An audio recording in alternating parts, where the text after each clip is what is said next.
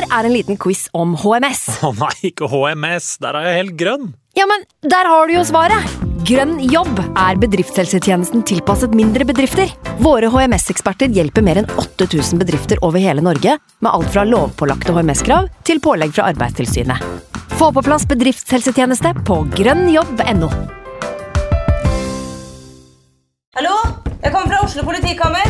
Ine Jansen er purk. Er du purk? The motherfucking bitch. Alt jeg vil, er å finne ut hva som skjedde med mannen min. Jon Carew. Er jeg sikta for noe? Iben Akeli. Det er du. Ole So, Lars Berrum og Big Daddy Karsten. Hvem sin side er du på, egentlig? Anette Hoff, Tone Danielsen, Kommer du fra Afrika? Jørnis Josef, Nesten. Kløfta. Trond Espen Seim, Det er synd å si det, men det var feil mann som døde. Purk. Premiere tirsdag på TV2 Play.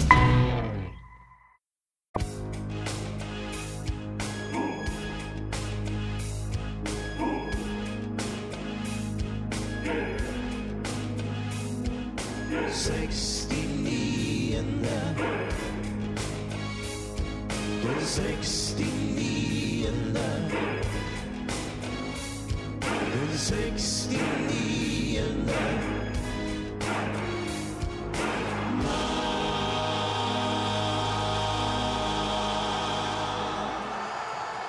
og hjertelig velkommen til en ny episode av Den 69. mann. I dag skal vi oppsummere den korte eliteserierunden som ble spilt på lørdag og søndag. Og siden det bare- ble spilt fire kamper, skal vi også bruke litt mer tid på europacupkampene. Vi har også med oss en nydelig gjest som skal presentere et slags drømmelag, men først må vi ta inn de to andre variantene i panelet. Frank, du sitter vel godt bak mikrofonen med beinet høyt heva, eller? Jeg slapp heldigvis hevelse på den der skaden min, men, eh, men ja, det er smertefullt i hvert fall. Så for de som vil ha kontekst der, så har jeg vært eh, oppe på drag. eh, Det er, foten, det er foten vi snakker om. Det er foten, ja. Ikke noe nei. Jeg har vært oppe på draget og spilt kamp mot eh, Paulsen, Paulsen, Paulsen, Paulsen og et par til som heter Paulsen, for alle heter Paulsen der oppe. Så 20 minutter ut i kampen så klarte jeg på en eller annen måte å ja, pådra meg en skade i en duell jeg var helt alene i. Men eh, litt eh, Paracet og Ibux og litt teip og så videre, så er det bare å pine seg gjennom det. Og en lagfest på kvelden, eh, så våkner man opp og ikke klarer å gå dagen etterpå, så det er fint. Men uh, hvor mye tapte dere denne gangen, da? Uh, 3-1. Mot Pølsen. Den er grei. Arskan, du er også på plass i kjent stil. Er det rødt du har oppi glasset denne gangen, eller? Absolutt ikke. Jeg var, eh, var ute med en kunde på torsdag, fredag var det jobbfest, lørdag var jeg ute med Oldbu, i går var det match. Eh, Jeg var døden nær da jeg våknet i dag tidlig. Eh, Så nei, her er det bare vann. Men jeg er klar. Ja, det er ikke, det er ikke alle som er. For uh, de som har hørt en del på denne podkasten her, så er det jo alltid et spenningsmoment da, om er Snorre på plass eller ikke. Eh, og det er det jo egentlig for oss. Og vi har jo hørt en hel unnskyldninger om det ene og det andre. Alt fra flytting, sykdom og husarrest til bursdagsfeiring. Men denne gangen så kom han faktisk med en ny unnskyldning. Og for første gang så syns jeg forfallet er godkjent. For i forbindelse med Snorres flytting fra Trondheim til Oslo, så har de leid et lager. Og som den gjerrigknarken Snorre, så har han sjølsagt leid et lager fra Wish. Og det gikk jo sånn det måtte gå. Snorre og familiens ting og tang i det lageret er full av mugg. Og de har også ja, de har fått en ordentlig jobb med å rydde opp, da. Så um, eh, vi må nesten vise litt medlidenhet til Snorre nå. Men eh, kjenner jeg Snorre rett, så er det hans høygravide kone, som, eller eh, samboer, som eh, driver og tar seg av opprydninga der nå. Ikke sant, Arskan? Best sannsynlig. Men eh, nok om oss. Eh, vi skal ta inn eh, dagens gjest, vi. For han ble født i Kristiansand i 1983 og er en journalist som har gjort seg bemerka med stor suksess i flere radioprogram og podkast. Han er mest kjent som programleder i P3-suksessen Heia fotball med Tete Lidbom. Han har også vært med i Banden og Verdens rikeste land på P3. I tillegg til å være en kjent stemme som uh, fotballsupportere ofte får i øret, er han også forfatter. Sven Bisgaard Sunde, velkommen til oss. For det? Endelig tilbake på, med podkasten etter en lang, lang ferie. Ja. Deilig. Eh, Arskan, du har forberedt en eh, prat med Sven? definitivt. Eh, hei til deg også. Eh, Heia fotball har jo vært eh, Jeg har hørt på det flere ganger. En av eh, topp eh, tre fotballpodkaster, eh, som jeg syns i hvert fall. Eh, hvordan eh, kom det i stand? Hvordan det kom i stand? Ja, nei, åssen hvordan kom det i stand? Det er jo snart ti år siden. Det er nesten som jeg har glemt det. Eh, men eh, det var vel med at Tete hadde, var veldig glad i fotball, da. Og så var det ikke så veldig mange andre i, i P3 egentlig som var så opptatt av fotball. Det var et sted hvor folk var veldig mye fokus på musikk og spill og kultur. Mhm. Um, så, men så hadde, satt vi bare og prata fotball, da, og så hadde vi lyst til å slå i hjel noe tid. Eh, Så foreslo vi å lage en, uh, en fotballpodkast til sjefen, og så sa han det kan dere jo gjerne gjøre på ta en, en dag i uka, da, f.eks. Mhm. Så da, men han ville egentlig at vi skulle lage en uh, sportspodkast, for dette, jeg tror egentlig man tenkte at liksom, det ble litt for smalt med en podkast som bare handla om fotball. Mhm. Eh, Så da eh, måtte vi nesten krangle oss til det, da, for lov til at, at ikke det ble sport, men at det ble en fotballpodkast. og nå er det jo en nå det jo en fotballklubb som altså Nå finnes det jo podkast om andre lag til fotballklubben. Mm. Eh, så nå har vi kanskje skjønt at ikke det, det var ikke, så, så smalt var det ikke med fotballpodkast allikevel. Åpenbart ikke. Nei, så det, var det, det begynte bare med et, et initiativ og en, veldig lyst på å snakke masse, da. Dere holdt, dere holdt på som du sa, i ti år. Klarer dere ti år til? Oh, ja, men hvis folk fortsatt har lyst til å høre på, så skal jeg ikke være vond å be på det. Nei, Det er veldig, veldig, det er veldig, veldig gøy, da. mm. Du trives med det?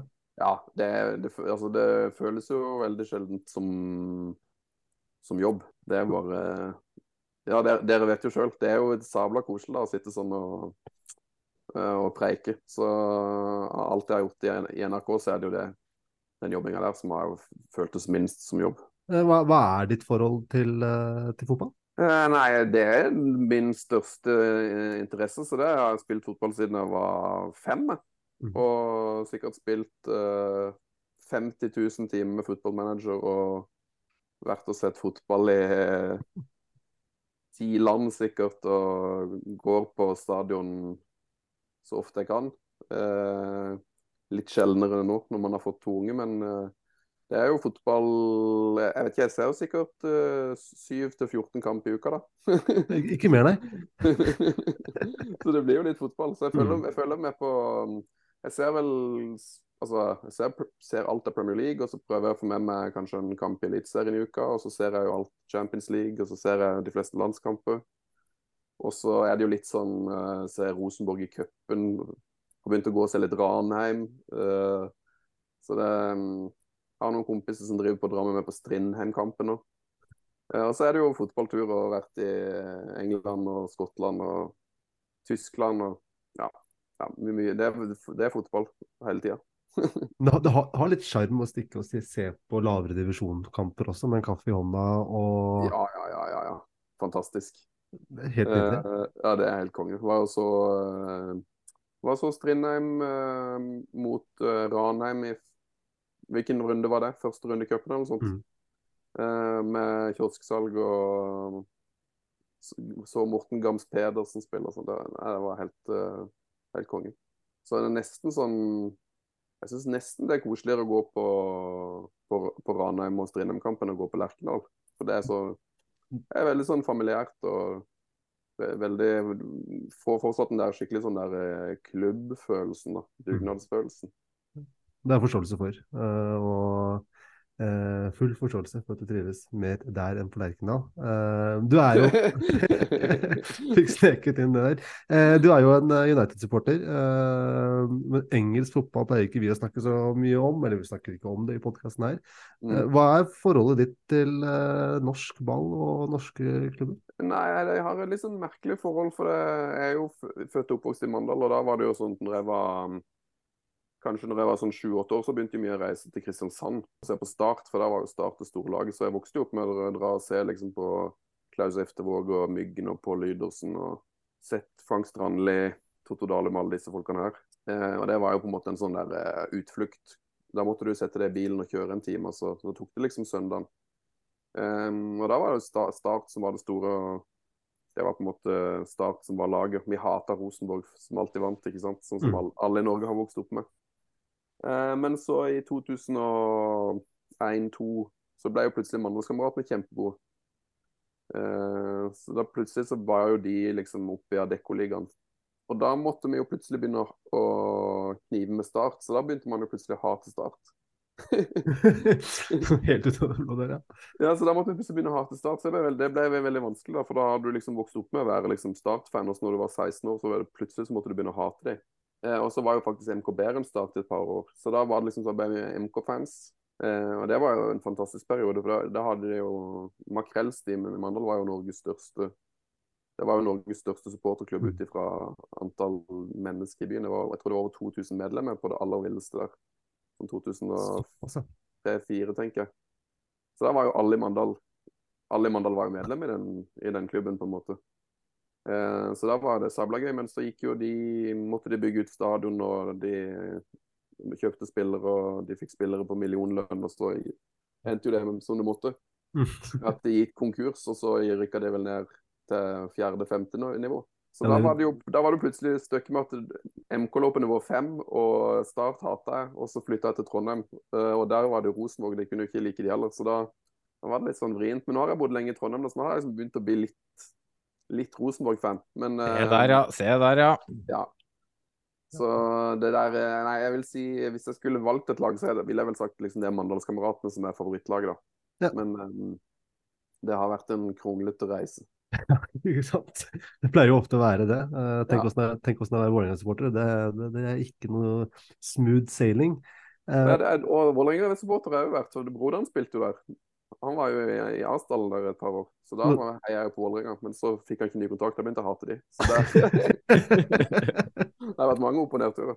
Ja, for du er, er inne på det, for broren din eh, er si, en av de beste fotballkommentatorene vi har. Veldig dyktig. Eh, Øyvind har spilt, eh, han har hatt spilt fotball, som du sier, vært på Vålerengas ungdomslag, har noen landskamper for aldersbestemt. Du nevnte også at du eh, har spilt fotball. Eh, hvordan var eh, din fotballkarriere?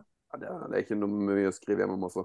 Eh, det endte vel med to, to kamper for MK2 på fjerdedivisjon eller noe sånt. Så jeg var vel bare Jeg har ikke så mye vinnerinstinkt, så jeg tror vel jeg var sånn ganske god til, fram til jeg var sånn som 15 år, og så bare dabba det dabba det av. Ble liksom ikke det helt store. Nei.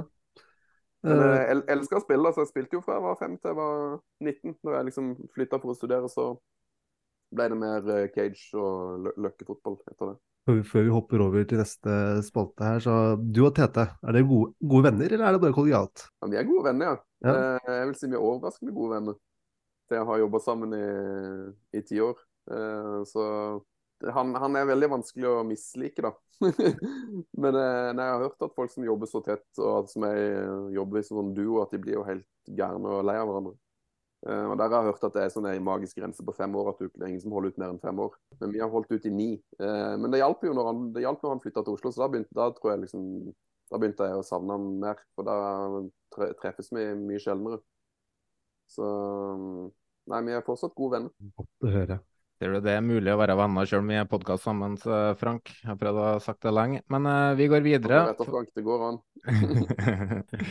Eh, For eh, jeg og Snorre har jo så vidt uh, starta innspilling av eh, overgangsspesial. Vi har gjort unna to gjester til nå. og eh, etter jobb i morgen så skal vi ta de resterende 14 eh, trenere og sportsdirektører og speidere. Så eh, det er et ganske sinnssykt og ambisiøst opplegg eh, vi har satt i gang her. Men eh, fikk prøvd oss litt i dag og går, og det ser egentlig ut til at det skal gå veldig eh, bra. Um, ordentlig stram tidsskjema med fem til sju minutter per gjest, og så hadde Jokke inn. Det tok jo 12-13. Men uh, vi skal i hvert fall prøve å få fram det viktigste uh, fra klubbene de, um, før de siste dagene eh, før overgangsvinduet stenger. Uh, så hvis alt går etter planen, vil si at samboeren til Snorre kniper litt igjen, så er episoden ut på onsdags morgen. Så jeg kjenner jeg litt smånervøs for at det plutselig er satt i gang noe hjemme hos eh, Snorre her. Men uh, hun har lovt å holde inn. Har du trua, Frank? Ja, Nå eh, skal jeg være så vennlig med deg og si det at uh, vi skrøt litt av deg når vi hadde Gunhild Tollnes og gjest her sist uke, og du ikke var med. Og du skal få litt skryt nå òg, for jeg vet hvor mye jobb du har gjort for å få til akkurat den episoden som dere, du og Snorre skal spille inn. da. Så hadde det ikke vært for at jeg blir å pakke i meg Paracet og Ibux e og teipe hele foten og spille kamp sjøl i morgen, så skulle jeg hjulpet dere. Det går nok eh, bra. Men det er som, det er som Sten sier, det er jækla moro å holde på. Så eh, gjør ikke nåde. Men eh, vi må videre.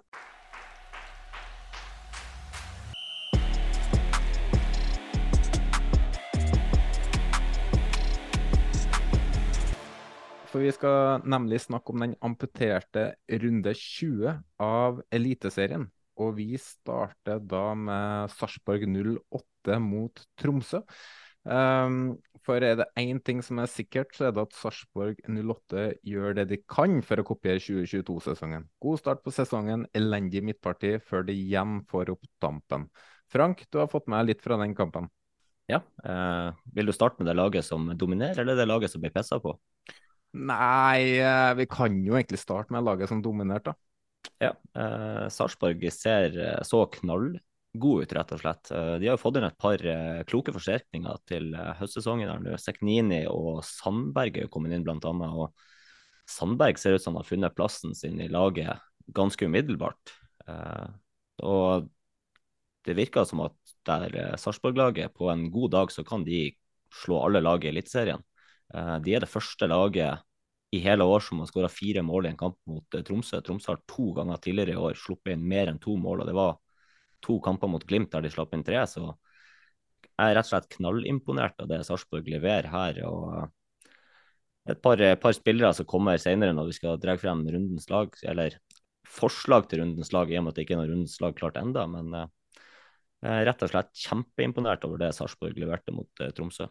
Men hva er det som gjør at, uh, at det svinger så mye, så mye hos Sarpsborg? For nå har de jo to seire på rad og 7-0 i, i målforskjell på de to kampene. Eh, og før det så hadde de seks tap på sju, hvis man regner med cupkampen mot Molde, og 10-24 i målforskjell på de kampene. Hva, hva, er som, hva den svingninga der kommer ifra? Nei, Det er et uh, godt spørsmål. Jeg har en liten mistanke om at det kanskje er en del humørspillere i det Sarpsborg-laget. Når, når, formen er der og flyten er der, så er, det, er de et av de beste lagene i Norge. Og så butter det litt imot, så får de rett og slett ikke bare ikke spillet sitt til, da. Men det, det er bare en teori, da. Venn, er du en av de som har brukt Serpelona som kallenavn på Sarpsborg? Uh, ja, jeg, jo, jeg, er jo frista til å bruke det når du sier det. Men jeg, jeg har ikke brukt det så, så aktivt. Men det, det, er jo et fantastisk godt um, kallenavn, ja. Uh, og så er det jo en, uh, en mandalitt på, på Sarpelona. som jo jeg har hørt om siden han ble født. Det er jo godeste Erik Vikten, som er vokst opp 70 meter fra, fra der som jeg har vokst opp. Så han Jeg husker, jeg husker når de ble født, de firlingene der. Ja, da du begynner å føle deg gammel? Ja, ja. Da var det overskrift i, i alle avisene i Mandal. De fikk Det var helt Ja, det var for, første sidestoff. Så det er gøy at, gøy at de gjør det bra. Ja, Vikne har vært veldig god for de i det siste. Spesielt de to kampene som har vært nå, så har han vært veldig aktiv eh, framover på banen. Eh, så han har virkelig fått opp eh, dampen. Ja, altså, men, han spiller jo høyre back, men han ser ut som både en kant og en indreløper, og nesten en spiss inniblant òg på det laget. Han er overalt plutselig. Men du hadde jo noe på det laget som ikke presterte så godt òg? Skal vi starte med at de har solgt en av sine viktigste forsvarsspillere til Molde, kanskje? Det er kanskje en god start.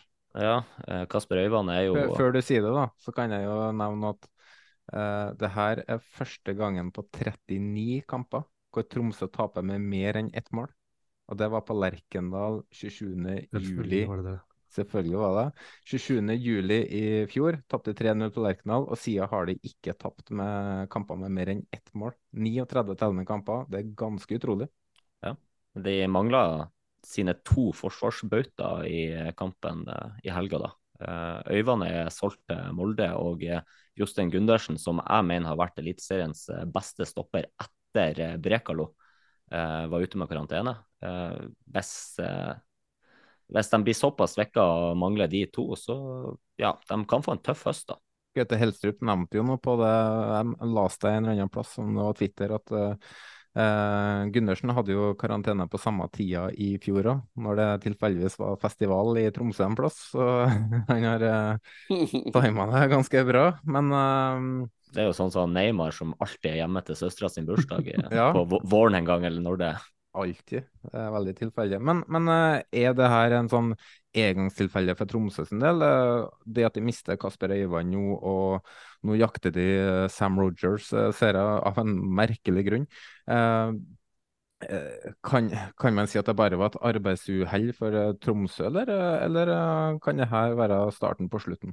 Uh, nei, det, det, det, er vanskelig å si. Men uh, jeg vil jo tro at uh, Tromsø Jeg tror ikke Tromsø er, er, liksom er ferdig med sesongen. Så, sånn som, hvis man ser på statistikken på den kampen, så det, det ser jo ikke akkurat ut som en 4-0-kamp sånn med første øyekast. Noen ganger er jo fotball sånn at du det, det er jevnt, og så får du, får du, et mål, og så endrer det seg. Så um, Tromsø-laget har jo sett fantastisk ut i hele år, så jeg vil tro at det, får håpe at de klarer å bruke det til et eller annet positivt.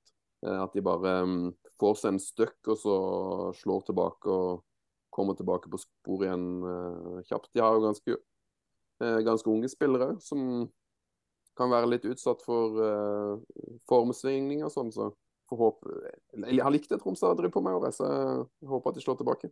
Eh, Arskan er jo et par dager igjen av overgangsvinduet nå, og Kasper Øyvand ut. Mye penger inn til Tromsø igjen, uten at helt har klart å snappe opp eh, noe sum. Eh, 15 millioner med fem i påslag hvis han eh, presterer i Molde.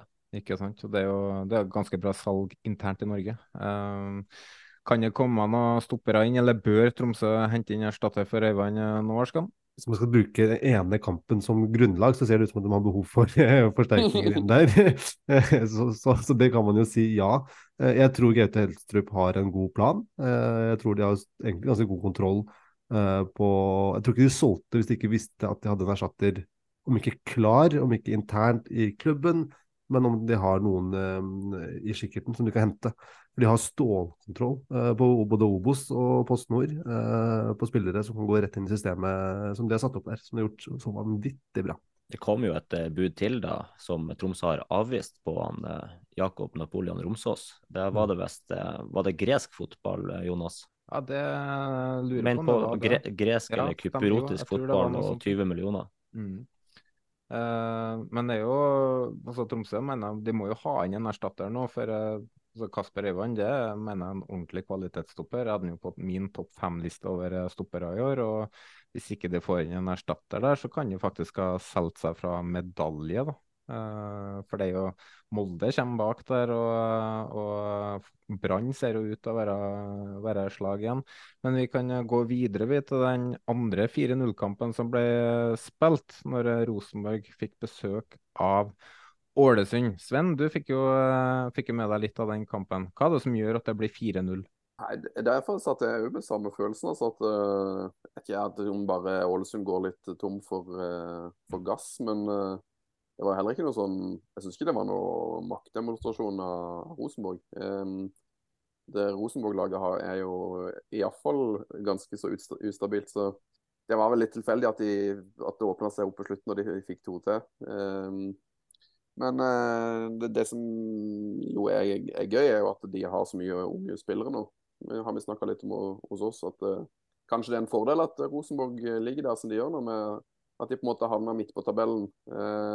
De kommer ikke til å rykke ned, og det er egentlig ikke så farlig om de ikke forsterker veldig på det laget de har nå. For de, nå kan de heller gi sjansen til de ungguttene som, de har, som har fått litt spilletid. Kanskje de vil blomstre, flere av de. Så um, det er bare gøy. og Jeg, jo, jeg må jo bare se på Rosenborg for dette. Jeg må få se på han Sverre Nypan. Det jo, det jo. Det syns jeg jo alle må gjøre. Ja, er jo, han er jo helt vi har jo ikke sett noe lignende. Altså, vi hadde jo Braut Haaland, selvfølgelig, men det er jo på det som er i ferd med å utspille seg nå, er jo på sånn, kan jo sammenlignes med den tida når Martin Ødegaard og Braut uh, herja i Eliteserien òg? Ja, absolutt. Det er jo det er en eksepsjonell uh, spiller. Sånn, du ser bare at han har så god oversikt, han har god tid. Um, han har jo Jeg syns han har så utrolig fysikk for han. Du, tenker jo liksom gjennom at han er en liten gutt, og du liksom har sett i de der har han lille karen på, som sto på tribunen der, at han er en sånn liten fyr, men når du ser han på banen, så er han jo så svær. Mm. Han er sånn utrolig fysikk, og hvis han, hvis han fortsetter å, å, vokse og blir liksom så dominant fysisk, så kommer han jo til å bli eh, Yaya Touré liksom i spillestilen.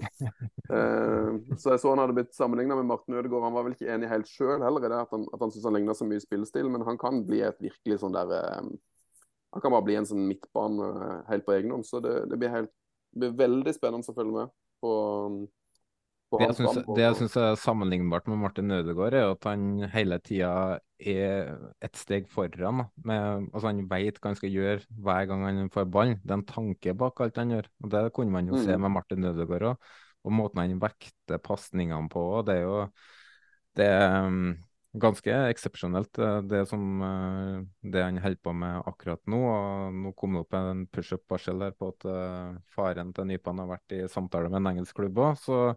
Men eh, jeg har forstått det sånn at eh, ingen har noe hast her med, å, med verken salg eller, eller at de har behov for å gå videre. og eh, Akkurat nå så er jo Eliteserien en veldig bra uh, utviklingsarena. Men uh, Frank, du også så jo den ble- kampen der.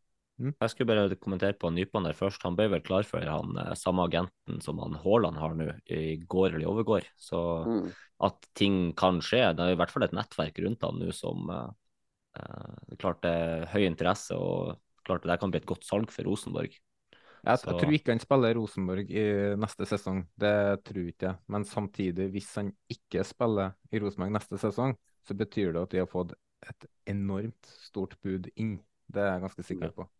For uh, det er greit nok at Rosenborg har lite penger, men de vet at hvis de holder litt lenger på han, så vil den prisen og interessen bare stige, så fremt han unngår eh, skader og eh, den slags. Men uh, du fikk jo sett Han, han, er, han, han er jo såpass talent, tenker jeg, at liksom, det kan jo godt være en eller annen klubb som eh, henter han og sier at du kan få lov til å være i Rosenborg et år eller to til òg. Ja, det kan skje. Kan skje. Han, jeg tror at han er et sånt navn nå, sånn som hun der eh, det var det Rafaela Pimenta og etter Mm. hun som er agenten til Haaland. Når, når hun kommer på banen, så er det sånn Da, er, da følger hele verden med, da, for de, de plukker ikke noen sånn tullespillere. De skal ha de aller, aller største. Det, de har jobba med Er det ikke Zlatan og Pogba og, og Haaland, liksom? Så um, da er du plutselig oppe på den der Real Madrid, uh, Manchester City, Barcelona-hylla, liksom. Mm. Og Schjelderup eh, fra Bodø og signert for han. Mm. Så da, da smeller det jo litt. Men uh, han er bare 16 år, da, så det eh, Og så virker han jo det virker veldig fornuftig, det han og faren har sagt til nå, at de vil at Rosenborg skal få noe igjen. og Han er jo liksom Det er vel litt sånn det, hvordan personlighet du har, men det, det kan godt være at han, at han har lyst til å være litt lenger i Norge. da, Det kan være skummelt og overveldende å liksom plutselig mm, dra til Spania eller England eller sånne ting. som er spennende å være med på. Det kan fort være at Rosenborg er den beste utviklingsarenaen for han i hvert fall et år til, kanskje to år til også. Men som du sier, hvis han plutselig blir snappa opp av en storklubb som sier at du skal fortsatt være i Trondheim i ett eller to år, så kan det være ideelt for alle parter. Og så er det en ting til, da. Eh, Per Sinan Skjelbred var jo ganske sammenlignbart da, på litt samme nivå, litt samme hype. eh, levert i Champions League, og så får han den eh, stygge skaden etter taklinga fra Stoltidis, den jævelen. Og da er jo plutselig blir jo han satt tilbake i utviklinga i hans viktigste år, og så ble han til Rosenborg til han var ganske mange og 20 år før han eh, dro ut til Tyskland. Så det kan hende at de har det i bakhuet, at, eh, at hvis det kommer et tilbud nå, så må de bare eventuelt ta det. I tilfelle noe sånt skal, skal skje. Men det, man vet jo aldri. Men vi må ta litt fra kampen nå, Frank. Du fikk jo sett den. Ja. Eh, inntrykk har du fra den eh, kampen? Nei, det er jo Rosenborg vinner fortjent, da. De gjør jo det. Jeg syns jo egentlig det Ålesund-laget ser fortapt ut nå. Det, de har skåra fem mål på bortebane i år. og Jeg sa det før kampen begynte, at eh, jeg, jeg tippa 4-0 på oddsen til Rosenborg her. fordi at det er ingenting som tilsier at Ålesund-laget ikke skal tape med mange mål når de er på bortebane. Så ikke noe overraskende resultat i det hele tatt. Eh, Så har Ålesund henta Ramsland. Jeg ser ikke for meg at han er noen redningsmann for denne sesongen her. Eh, Men det positive med Ålesund da er det at det er mange unge spillere som spiller nå. Eh, Så det kan jo være noe du kan bruke fremover, da. Si Christensen eh, ser jo veldig bra ut. ja, det er flere. Du har han uh, Hopland i midtforsvaret også. Det, det, er mange å trekke frem ut av de ungguttene, men de er jo langt unna eliteseriespillere i dag, egentlig. De spiller på det klart dårligste laget av en grunn. og de kommer til å gå ned til Obos nå, og de må egentlig bare se inn mot 2024 og satse på å rykke opp igjen direkte. Men det Men nå, har de, er ikke nå, har de, nå har de sju tap på ni kamper. To av de tapene er mot HamKam. Altså, de er jo ganske ferdige nå. Men det som, det som bekymrer meg for, med Ålesundøya, er jo at jeg ser ikke helt hvordan de bare skal rykke ned og så gå rett opp igjen heller. Nei, men du, har- du avbrøt meg akkurat der, men ser du på de to lagene som gikk ned i fjor, KBK og Jerv, så er jo ikke de oppe i toppen og kjemper nå. Mjøndalen gikk ned året før, og Mjøndalen er i fare for å rykke ned på nytt nå. Så det, det å gå ned til Obos er ikke noe som automatisk sier at da kommer du til å rykke rett opp igjen. Det, det blir en tøff liga med i hvert fall en fire, fem, seks lag som ligger der nede og vil opp hvert år, og så kommer det to lag ned fra Eliteserien og skal hive seg på i kampen med de, så det er ikke noe som automatisk sier at Ålesund kommer til å klare det. Men de må i hvert fall dyrke de her unge spillerne de har nå, for det er en del talent, men de er bare for langt unna eliteserienivået akkurat nå. Og så syns jeg Kristian Johnsen har jo bomma grovt med flere ting. Altså, de har jo ikke akkurat blitt noe bedre etter at han eh, kom inn. Uh, og det, det er jo ganske puslete, Ålesund-laget der. Det, det, det mangler rutine, det mangler fysikk. Og så, og så velger de da å starte med Atanga og Barmen på benken, når de kanskje trenger den X-faktoren og rutinen ute på, ut på banen. Og så i stedet blir det opp til ungguttene og skal gå på Lerkendal og nærmest forsvare seg til, til et eller annet, uten å ha noe som helst form for kontringsstyrke. Og det var jo inne på Ramsland når han- presterte Eliteserien. nå. Så jeg syns det er veldig mye rare disponeringer, men det kan vi ta i overgangsspesialen, så vi går bare videre Men, til men apropos unge gutter. Eh, Rosenborg har jo en juvel i Kristiansund også, og akkurat nå mens vi spiller inn her, så leder Kristiansund 3-0, og han har skåra på nytt. Eh, Broholm kommer til å bli vanvittig god for Rosenborg når han er tilbake neste år.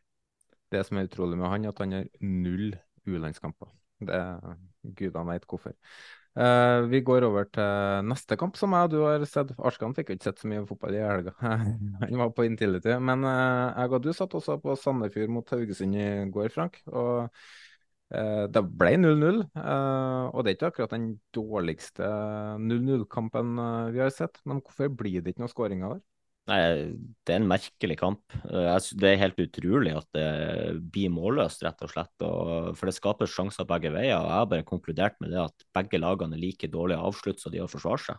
Så det, begge lagene ligger jo der nede av en grunn og uh, ruller opp angrep på angrep, men klarer jo ikke å avslutte. og Jeg føler egentlig at det her uh, var det han uh, Ayer som uh, skyter over fra fire meter, så skyter han 14 meter over i det 95. minuttet. Summerer egentlig kampen ganske greit opp. Eh, når, når du setter den der så høyt over mål fra fire meter, da, da skjønner du at det er bare en sånn dag for begge lag. Så fikk vi et keeperbytte inni der òg. Og eh, Selvik går ut etter å ha hatt en ganske god redning med trynet, og så kommer Vikne inn. Og det er ikke så Tilbake, tilbake til Vikne-brødrene. Ja, det er ikke rart han ble god i fotball, iallfall. Uh, født i Mandal og med tre brødre som sto og denga på han hele livet, så han, eh, han måtte bli god i mål. Ja, så, så han har blitt denga en del på, for han gjør en veldig god kamp når han, eh, når han blir bytta innpå der. Ikke en varm eller noen ting, men han eh, holder jo inn i kampen der. det, det å være reservekeeper er jo en altså Det må jo være den kjipeste rollen i fotball. Du vet at du skal sitte på benken helt til at den keeperen som står, enten gjør store tabber eller blir skada. Og Selvik har jo vært enorm i mange år for det Haugesund-laget. Så det at han Vikne kommer inn og griper sjansen sånn som han gjør, det er imponerende. For han gjør en veldig god eh, innbytte der i den kampen. Jeg har jo sjøl sittet som reservekeeper på benken og tenkt at jeg håper ikke keeperen blir skada, for du føler deg ikke klar til å komme inn på når du kommer rett fra benken kontra en god oppvarming. Så det krever litt mental styrke som, som kanskje jeg mangler, da. Men eh, eh, Sandefjord, eh, Sven. Eh, lavest budsjett i Eliteserien. Eh, henter spillere fra nivå tre i Sverige. Ja. Og er egentlig et lag som skal ligge nederst på tabellen når man ser på alt rundt, da. Men eh, de klarer seg igjen og overlever i år nå, så setter de ny rekord. Ja, Brann er Sandefjord. Det, min, eh, det, det var jo et lag jeg heide på i et års tid. eh, Når jeg, når jeg bodde der. Jeg gikk på folkehøyskole der et år. Um, og etter det har de fått ny stadion og og, ikke måte på. Men eh, nei, men ligger ikke de sånn cirka der de, de skal, da? Hvis de har minst budsjett, så handler det vel om å gjøre ting, gjøre ting smart. Og grei sesong. Ja, absolutt. Uh, det var det vi hadde om den kampen. Og nå, Arskan, nå skal du få uh, slippe løs alt du har etter å ha sittet her i stillhet for uh, Vålerenga Odd 2-2. Det vil seg ikke for ditt kjære Vålerenga denne gangen heller, med en ny stopper og spiss fra start. Nei. Eh, og så tenkte jeg sånn Skal man være negativ i dag, eller skal jeg være positiv? Eh, vi er ubeseira i august, så jeg velger å gå den eh, ruten der. vi har ikke tapt på en liten stund. Nå er, du, syns- nå er du meg for to måneder siden. Ja, jeg ser progresjon, skjønner du. Sakte, men sikkert der så er det progresjon. Jeg skjønner ikke hvor du ser progresjonen, for jeg ser, altså, det er flatt. Ja, det er, det er ganske rått batteri. Nei, men uh, for spøk til alvor. eh, det var uh, Vi starta som vi pleier å gjøre, dårlig. Uh, Odd kjører på og får seg et mål. Og så kvikner vi til. Og det virker liksom med Vålerenga nå at med en gang de begynner å ligge under, da begynner de å spille fotball. Da begynner de å spille god fotball. eh, og tar over og snur kampen igjen. Og han deilige albaneren eh, stanger inn eh, 2-1. og Da var det ganske god stemning. Det som var veldig bekymringsverdig, og som både Snorre og jeg eh, snakket om under hele andre gangen, er måten de går ut eh, etter pause. Leder 2-1. Du skal bare male på videre og få den 3-1-goalen. Eh, men istedenfor så legger de seg helt bakpå og parkerer bussen og satser på å kontre inn eh, et mål til. Og da går det som det, da, da går det som det skal gjøre. Da får du en eh, i trynet igjen. Så blir det 2-2. Um, og så blir det ett poeng. og Da er det da nesten tre måneder siden vi vant en eliteseriekamp på Intility Arena. Det er skremmende, og det er grunnen også for at Vålerenga er der de er. Vi vinner jo ikke fotballkamper hjemme. Men Jeg tror det, eh, jeg tror det her ligger i hodet på spillerne nå. Jeg tror de er livredd for nedrykket. Jeg tror det er mentalt eh, greier nå for Vålerenga. Når de slutter å spille fotball med en gang de begynner å lede en kamp, så slutter de å spille fotball, og så legger de seg bakpå, så blir de trøkka. Men uh, det har ikke akkurat fått noe effekt, da, det trenerbyttet her. De tar jo ca. like mange poeng nå som de gjorde under Fagermo eller eh, Nordnes. Altså, det er jo ikke noe det er ingen, altså Med utviklinga til Vålerenga nå, så er jo eneste redninga deres at uh, Stabæk ikke begynner å vinne fotballkamper. Ja, det kan også sies, men jeg, jeg, syns uh, det, det er merkelig, da. Uh, jeg, vi trekker tilbake til Gaute Helstrup eh, og den episoden vi hadde med han. Eh, at han ser på spillematerialet sitt, og så legger han formasjonen deretter. Og da han kom til Tromsø, så hadde han en uh, fembackslinje eh, spillere, eh, 3-5-2-spillere. eh, mens i Vålerenga så er det 4-3-3. Mohammed Ofker er best på kanten. Samme er Daniel Håkansson, en av ligaens beste si, kanter. Så å bruke han som spiss, eller å bruke han som wingback midt i sesong Greit, hadde han fått en preseason til å terpe laget, så kunne man jo kanskje sett at det kunne gått, men jeg syns det er ekstremt merkelig at vi legger om til eh, eh, legger om formasjonen midt i sesongen når vi er avhengig av å ta tre poeng.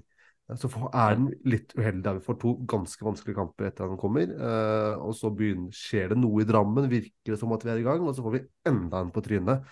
Eh, det går til det Frank sier, at jeg tror nå begynner du ser litt sånn i horisonten der, så ser du at du har Viking borte, Glimt borte, så har du Rosenborg hjemme, Brann hjemme, Lillestrøm borte. Eneste poenget du kan se i horisonten fram til utgangen av oktober, er kanskje Ålesund hjemme. Eh, og hvis du ikke vinner den heller, ikke sant Fra Eh, Sandefjord borte på gress. Det er ikke klink tre poeng der, selv om vi vant der i fjor. Så eh, jeg mistenker da eh, at eh, jeg har ikke brukt noen egenmeldinger hittil i år. Eh, den høsten her kan bli ganske tung. Ja, men det er jo litt jeg tenker litt av forskjellen med, på Sandefjord og VIF, da, som ligger liksom side om side på tabellen, er jo at uh, Sandefjord har jo hatt en like ræva sesong som, som VIF, på sett og vis. Men det er jo sånn, det er jo ikke noe det er ikke noe press, det er ikke noe forventninger. Det er ingen som uh, stresser seg opp. De, de, de har på en måte overprestert, og ja, det går faktisk bedre enn folk trodde. Um, så de beholder roen og på en måte Ja, ja, det, vi, vi, vi, kjører på videre, liksom. Mens eh, i Vålerenga så er det jo Så har det jo vært uh, krise. Det, det er liksom kri- hvert år så er det, det er liksom krise fra andre runde, da. Uh, og når du da ser den statistikken med at ikke de klarer å vinne kamper hjemme, så er, da, er, da kommer man jo rett inn på det psykologiske aspektet. da. At det liksom, de klarer ikke å få ut det de egentlig kan. For det er jo masse gode fotballspillere der. Du har jo sett, sett det her før, eh, Sven. Eh, hvis vi tar et par år tilbake. Brann. De Yes. hadde jo et mye bedre altså I hvert fall på høsten her hadde jo et mye bedre mannskap som ikke skulle tilsi at de skulle rykke ned. Eh, men da starta jo Brann koronasesongen med å møte de sju beste lagene omtrent, så de fikk jo en Mm. elendig start. Og så klarte de liksom De fikk det presset på seg, og det er jo litt der Vålerenga er nå. Altså, det er jo ikke og det er jo ikke enkelt for Bakke heller å snu om eh, på det der, da.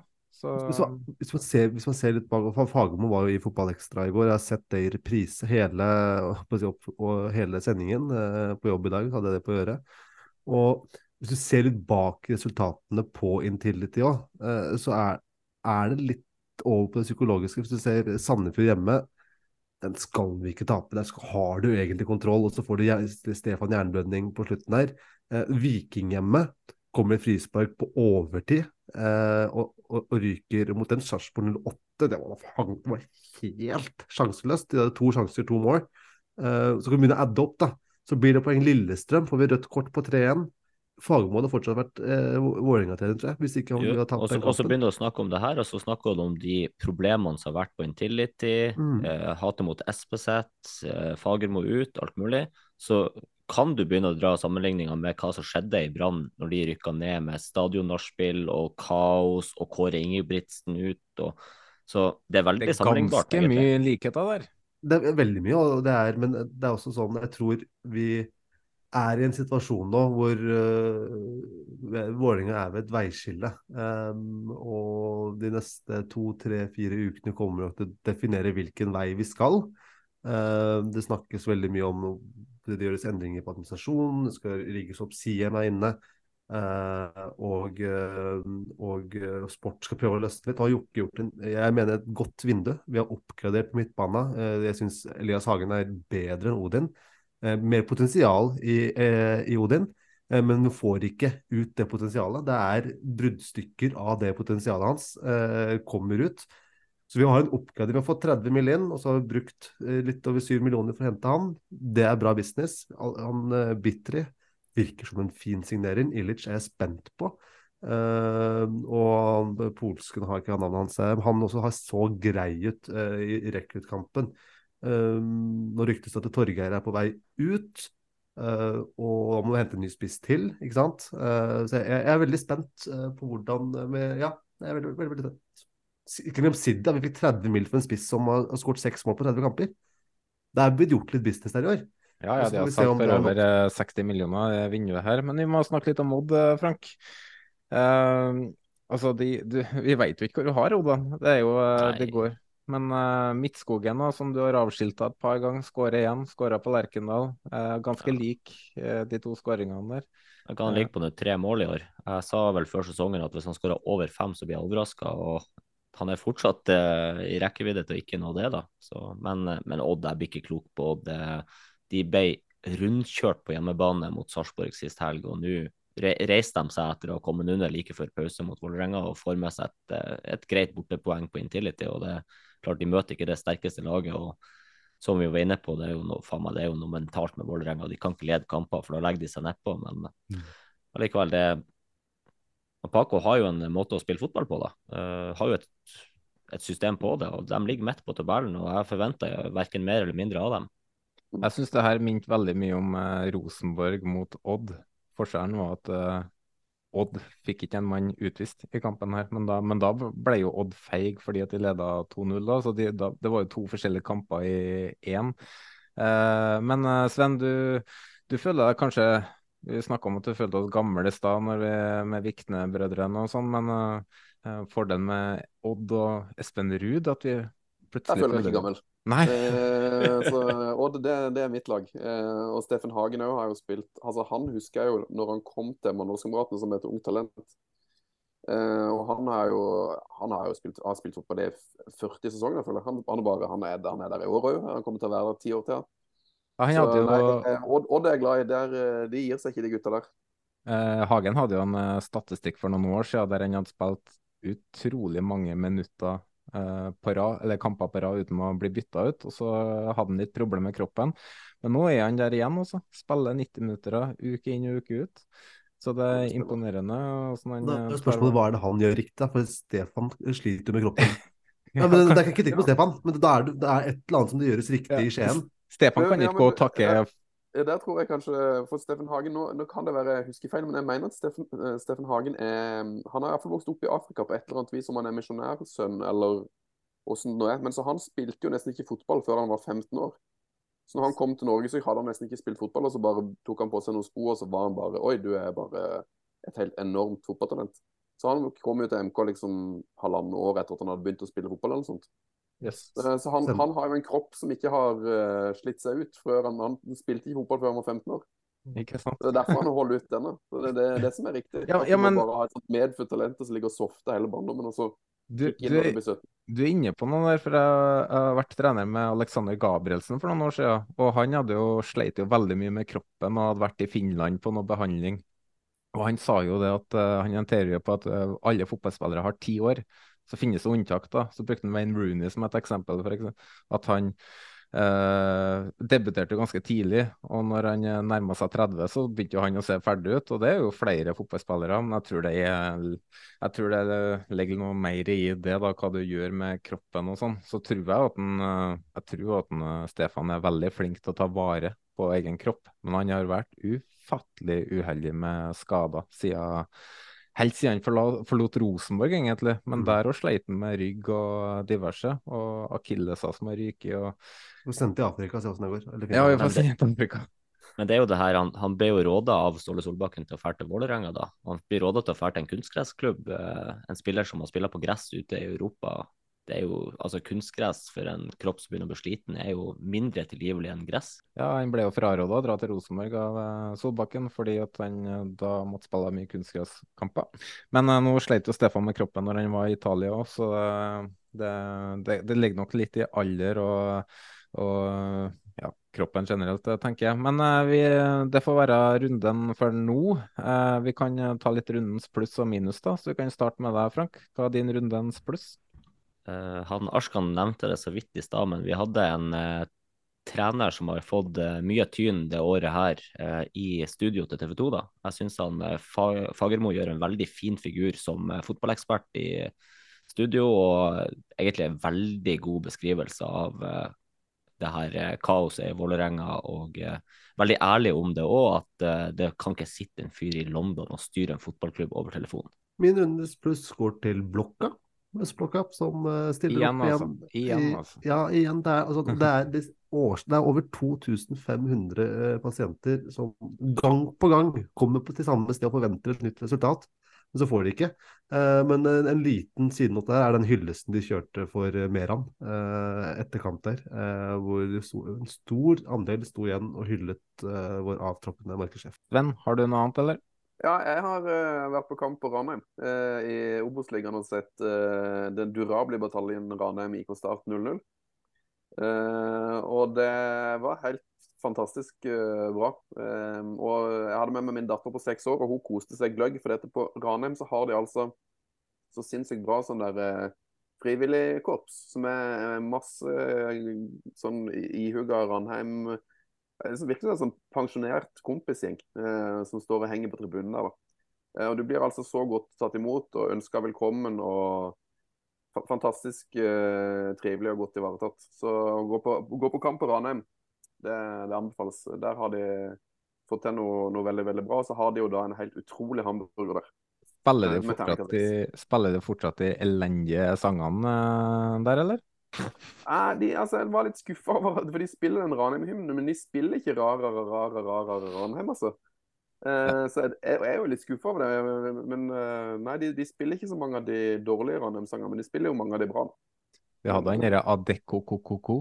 Den Ja, ja, ja, ja, den spilte de heller ikke, altså. Dessverre. Nei. Eh, dessverre. Har du en rundens minus òg, Sven? Ja, minus, hva skal vi ta da? Jeg må kanskje være sånn generell minus. Eh, kanskje bare gi det til Vålerenga, da. Sånn generelt. Men eh, i litt i sympati, da. At, eh, at de, en, en sparker er jo at de må skjerpe seg. Og de må, de må stresse ned. For det, jeg tror alle, uansett hvilket lag de heier på, vil ha Vålerenga i, i Eliteserien. Så de må bare passe på at de ikke rykker ned. For det, det er ikke noe vits å ha de ned i, i Obos for å snu. De må bare rett og slett skjerpe seg og så ta noen poeng. Det blir kjedelig for podkasten nå, vi må kvitte oss med Arskan og, og Snorre. Men uh, Frank, uh, har du en rundens minus? Ja, eh, men jeg må bare få skyte inn en pluss til Ranheim også først. Som bortesupporter der, så rekker du i pausen å springe bort på den lokale puben, ta deg en pils og komme tilbake igjen. Men, Og sende, sende det klippet til Lerkendal, fordi de vet ikke hvordan de skal behandle bortesupportere. Yes. Eh, rundens minus for meg er topplaget som spiller seg et bunnlag. Eh, som Glimt-supporter så er det deilig å endelig kunne gi en minus til Tromsø. Jeg tar selvfølgelig, vi, holder oss i Oslo. Vi rundens minus eh, går til eh, Jeg synes det er Geir Bakke eh, som ikke gjør noen endringer tidlig i andre gangen der. Som du ser, og du ligger bakpå, det går 25 minutter, altså. Og det gjøres ingenting. Og det jeg Hadde hatt Kjetil Rekdal eh, gjort det, så hadde det vært coaching i verdensklasse. Det var det vi savna. Eh, men eh, det har bare spilt fire kamper i den eh, runden her, og derfor så har ikke vi noe rundens eh, lag, Frank. Hvordan skal vi løse det?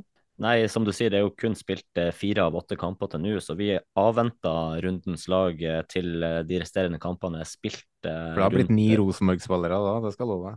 Eh, ja, Veldig de takknemlig for det, altså. Det er helt nydelig. siste kampene kommer jo rundt, eh, rundt månedsskiftet september-oktober, så vi setter av der. Og så legger vi på to kamper som er også hengekamper fra tidligere i sesongen. Så det blir totalt ti kamper som er grunnlaget for rundens lag eh, runde 20 når vi er kommet så langt. Men vi kan røpe at han Reitan er på laget. Nei, det er den ikke. Nei, Nei vi, kan, vi har eh, i hvert fall notert oss ned noen spillere da, som er, kan være aktuelle aktuell når vi kommer dit. Da. Så jeg kan jo bare dra raskt igjennom noen navn her. og Det er Pereira, Vikne, Toje, Børkeie, Nypan, Holse, Sandberg og Widesheim Pål. Det høres bra ut, det, men eh, det skal spilles seks kamper til, så det blir nok en del eh, forandringer der. Og da går vi videre til Europa.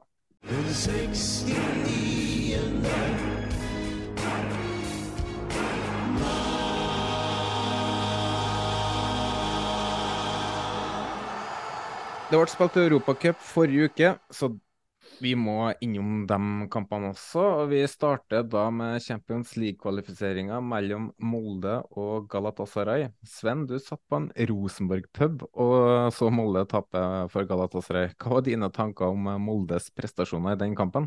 Og hvordan var opplevelsen på Rosenborg-pub eh, underveis? Nei, først og fremst så var jo opplevelsen eh, Opplevelsen var jo veldig, veldig gøy, da. Eh, vi kom på Mellomveien pub, som er min, eh, mitt eh, foretrukne vannhull i Østbyen i Trondheim. Veldig, veldig koselig fotballpub. Eh, og så skulle vi egentlig bare ut og, og, og treffe noen kompiser og drikke noe øl. Eh, og så var det sånn, men de viser jo sikkert ikke Molde-kampen. Eh, men så spurte jeg bare vi viser da Molde. Så, ja, ja, ja, de gjorde jo det, da. Um, så satte vi oss ned og koste oss med, med den kampen, og det, det, ble jo enormt god stemning, uh, må man jo si, på slutten, da, når, uh, når Mitche uh, skåra og avgjorde det. Jeg la ut en tweet da, da med Mitche hjerte eller noe sånt, og det tok eh, to minutter, så hadde jeg 50 likes. Og tenkte jeg å herregud, nå har tyrkerne klikka her. Men eh, det var faktisk trøndere. ja. ja han, er, han er stor stjerne i Trondheim, så men nei, jeg syns egentlig det, det, var en veldig veldig gøy kamp. da. Eh, og så er det litt feige lag når eh, det ene laget har liksom Det, må, det er jo en økonomisk uh, ujevnhet der som er ganske enorm. Du ser jo det at liksom Når du har en spiller som Icardi da, som kan skåre sånne mål, eh, så blir det vanskelig å, å vinne. Men jeg syns Molde, Molde, var bra. Jeg syns de fikk det yta mer motstand enn jeg enn jeg hadde trodd. Så det er egentlig veldig god tid for norsk fotball. Både Brann og Molde eh, altså det, det, er, det, er, mange lag som slår godt fra seg. så Vi diskuterte om det må, på en måte, Bortsett fra når Rosenborg var på, på høyden, så er det vel lenge siden at liksom, det samla nivået har vært så høyt i norsk fotball ute i Europa som, som det er akkurat nå. Da, så det er gøy. Arskan, du fikk med litt fra den kampen, du òg? Jeg, så, jeg så hele kampen, faktisk. Jeg synes, uh, Vi snakket om det, vi òg. At uh, det, Molde sløser jo mye med sjanser De har mange sjanser til å bare punktere den kampen tidlig. Eh, og Det er litt symptomatisk hvordan de har fremstått i Eliteserien. Du så det mot Vålerenga, samme, samme gjeld de noen dager før, og de burde vunnet 3-4-5-0. Ja, det, det er jo et av lagene med best XG fremover på banen i år i Eliteserien, og dårligst, eller best bakover òg. Allikevel så ligger ikke i topp to i Eliteserien, og de tar det med seg i eh, Champions League-kvaliken. Altså. Og der, og, der, og der blir du straffa, og det er en fin goal av Icardi. Eh, han, eh, han, har gjort det før. Eh, men eh, de spilte jo bra. Molde spilte nesten en perfekt kamp. Eh, sånn kampplanmessig. Du hadde kontroll på Galatasaray, og så bølger det selvfølgelig fram og tilbake. Jeg ble ikke lei meg da Mitche skårte. det må jeg ikke si at jeg ble. men det er synd for Molde. Jeg tror det blir ganske tøft for dem å stikke ned til heksegryta i Istanbul med 50 000 skrikende og pipende eh, tyrkere eh, i to ganger 45 minutter der. Det, den tror jeg Jeg tror det blir en god, god opplevelse for de, de 14 som reiser ned. Ja. Eh, Sven, eh, vi er jo vi i poden her er ikke sånn koeffisientsupportere som holder med andre lag ute i Europa. Eh, hvordan, når du så Molde her, satt du og håpa på at Molde skulle, skulle få med et godt resultat, eller? Ja, ja, ja. Det er det som er så fantastisk med å heie på masse lag. At du kan jo Du sitter jo og håper på seier flere ganger i uka. Så, og det tror jeg, altså, den mellomveien Det er ikke sånn der, det er ikke den hardeste Rosenborg-puben i, i, Norge. Eh, så jeg tror veldig mange av de som var der, håpet jo at eh, de vil jo heller ha Molde videre enn en Galatasaray. og Man håper jo at Glimt og, og Brann skal komme seg videre. så eh, Nei, jeg heier alltid på norske lag i, i Europa. Det, det syns jeg sier seg sjøl. Jeg har mye mer forhold til de enn, enn, til, enn til tyrkiske og belgiske lag.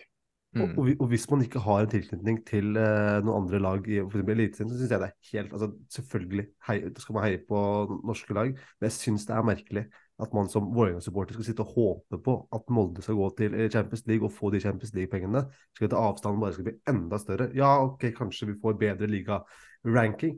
Det hjelper oss ikke i det hele tatt nede i bunnen der. Hvis den driver og kaver nede i bunnen. Obos-ligaen er ikke så bra renka uansett, så Definitivt. Eh, og da, det, det, hjelper ikke.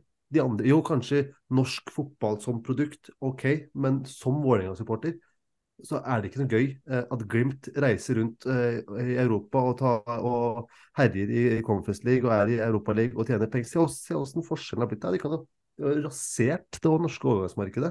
Eh, både Glimt og Molde. Fordi de har penger. De har tjent penger. Det er rene penger. Eh, men det, er, eh, det påvirker oss andre på en helt annen negativ måte. Frank, eh, før du, du, hadde noe du ville ta angående Moldes tur til Galatasaray. Men vi kan ta det sportslige først, da, Frank. Eh, hvordan anser du Moldes muligheter i Tyrkia? De forsvant når Mitchell skåra på overtid. Uh, fordi at uh, jeg mener det at det nesten kan uh, beskrives som et ran at Molde ikke at Molde tapte, for at Molde fortjente bedre enn å tape.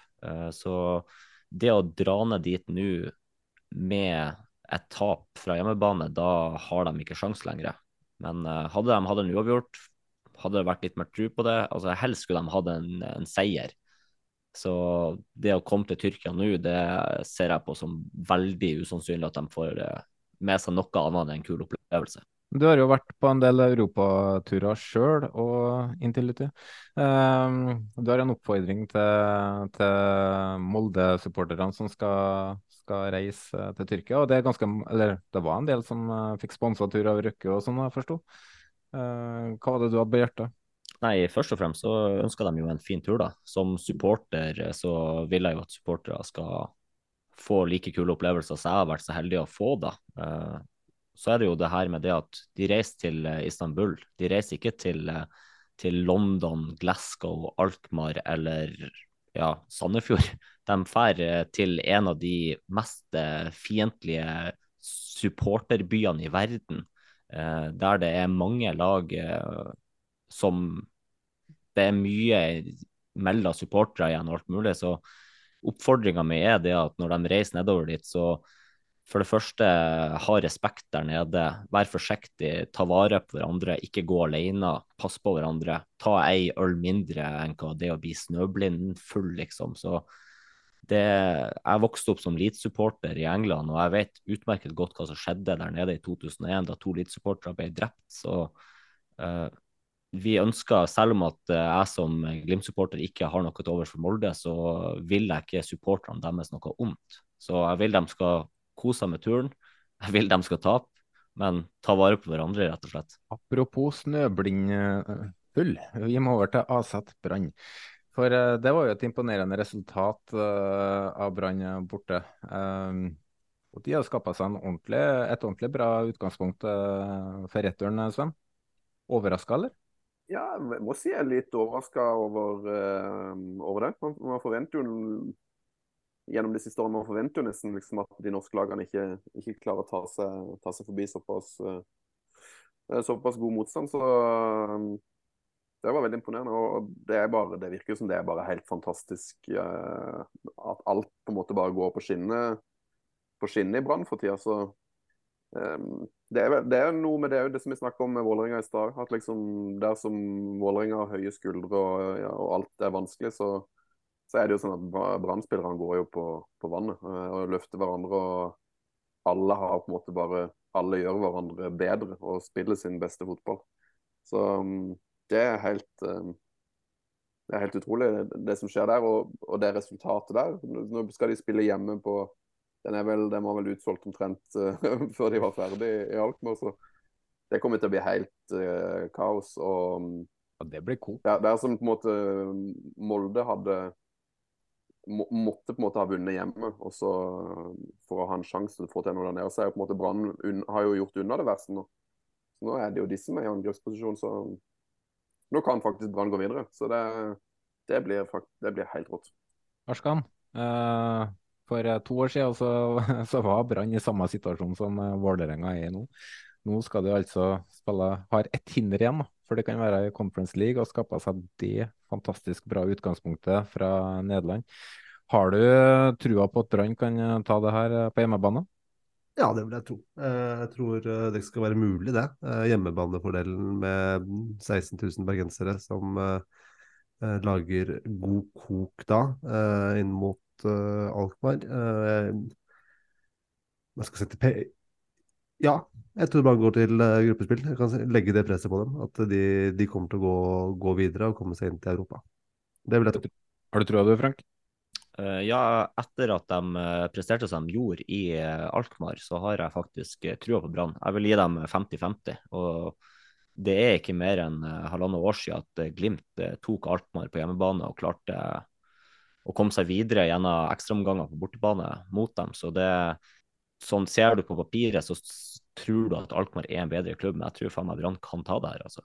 Det er en kjempefordel å avslutte hjemme òg, for blir det ekstraomganger, så får de de på hjemmebane straffekonk, f.eks. Altså, de har jo, men uh, det kan jo ha motsatt virkning òg på Brann stadion. Uh, men uh, ja, vi får se. Det blir veldig spennende, overraskende resultat. Vi går videre, vet. Siste kampen som ble spilt, eller siste og siste var det kanskje ikke, men Sepsi mot Glimt 2-2. er det godkjent, Frank? Ja, det er godkjent, men Glimt gjør en dårlig kamp, dessverre i forkant av kampen så hadde det hølja ned, så det var, det var ei sliten bane, rett og slett. og det, den Gressbanen er sikkert veldig fin ellers, men pga. værforhold så var den ikke bra å spille på akkurat den kvelden der. Eh, du så det egentlig, det påvirka spillere som han Patrick Berg, som egentlig aldri er dårlig. Han leverer en av sine dårligste kamper i Glimt-drakt. Han har pasningsfeil. Virka virker rett og slett som at eh, han sliter med forholdene.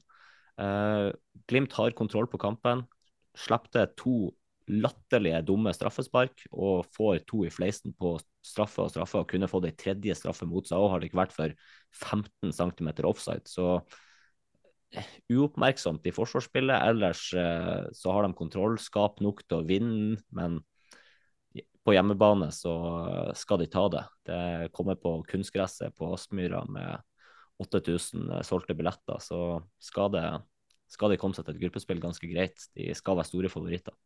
Hvis Glimt kommer seg til slutt eh, gruppespillet, da, så eh, er sjansene veldig gode for at det de blir andre sider og kommer seg inn i en veldig fin eh, gruppe. Uh, kan Glimt få en, nok en god europahøst, Sven?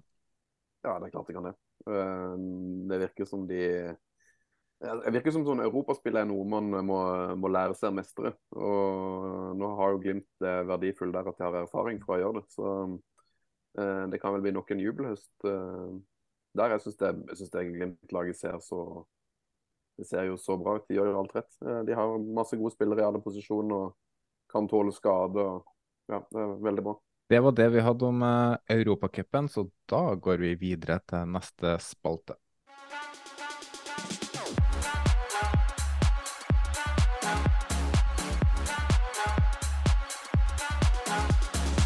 Da skal vi gå over til en spalte hvor eh, Sven eh, har eh, fått muligheten til å være på den andre sida. For min favorittspalte i Heia fotball er når gjesten drar opp sin drømmeelver mot slutten av sendinga. Og Sven har i flere hundre episoder fått servert det ene etter det andre drømmelaget, og da tenkte vi at han skal få æren av å presentere sitt drømmelag hos oss. Men først, Sven. Av alle gjester dere har hatt innom Heia fotball, hvem har presentert det beste drømmelaget, syns du? Å, herregud. Jeg husker jo ikke alle, så det er vanskelig, og, og det er sikkert noen jeg glemmer. Uh, men nei, det er, det er jo det er ganske uslåelig, det drømmelaget til Brede Hangeland iallfall, husker jeg. Ja, den uh, hvor han hadde fortalt om um, hvem han hadde spilt med som var slappest i gymmet. uh, det var, var, veldig mange gode historier. Uh, og så Det gikk jo òg helt uh, skeis på mange vis. For det, gikk jo, det var noen som oversatte det, så det gikk jo liksom viralt. Uh, og det var i år-historia? Ja, det var vel ja, Wilfrid Saha ble vel iallfall ganske snurt. For dette. han hadde bare fått gjengitt at Hangeland sa at han var liksom slapp i gymmet, og det likte han ikke. men, ja, men det, det, er vel der òg ja, Adebayor ja, som sa at han um, lurte på om han visste noe bra sted å spise. Den er ganske stor. Ja, den var fin. Åssen uh, tema har du valgt å gå for i dag, da? Nei, eh, jeg syns jo det her det, det, blir jo egentlig bare vanskeligere og vanskeligere å lage drømmelag etter hvert som uh, man har hatt 350 episoder, for det er liksom alle de gode ideene er på en måte tatt. Um, så jeg lurer på om jeg må ha litt hjelp fra dere. Jeg har ett, jeg har ett som, jeg, som jeg liksom er vurdert å ta, men som jeg bare kan dra gjennom, som er et slags backup-drømmelag. For jeg begynte å søke på telefonen min og der har jeg jo da på notatene mine en del drømmelag, så jeg bare søkte på Exi.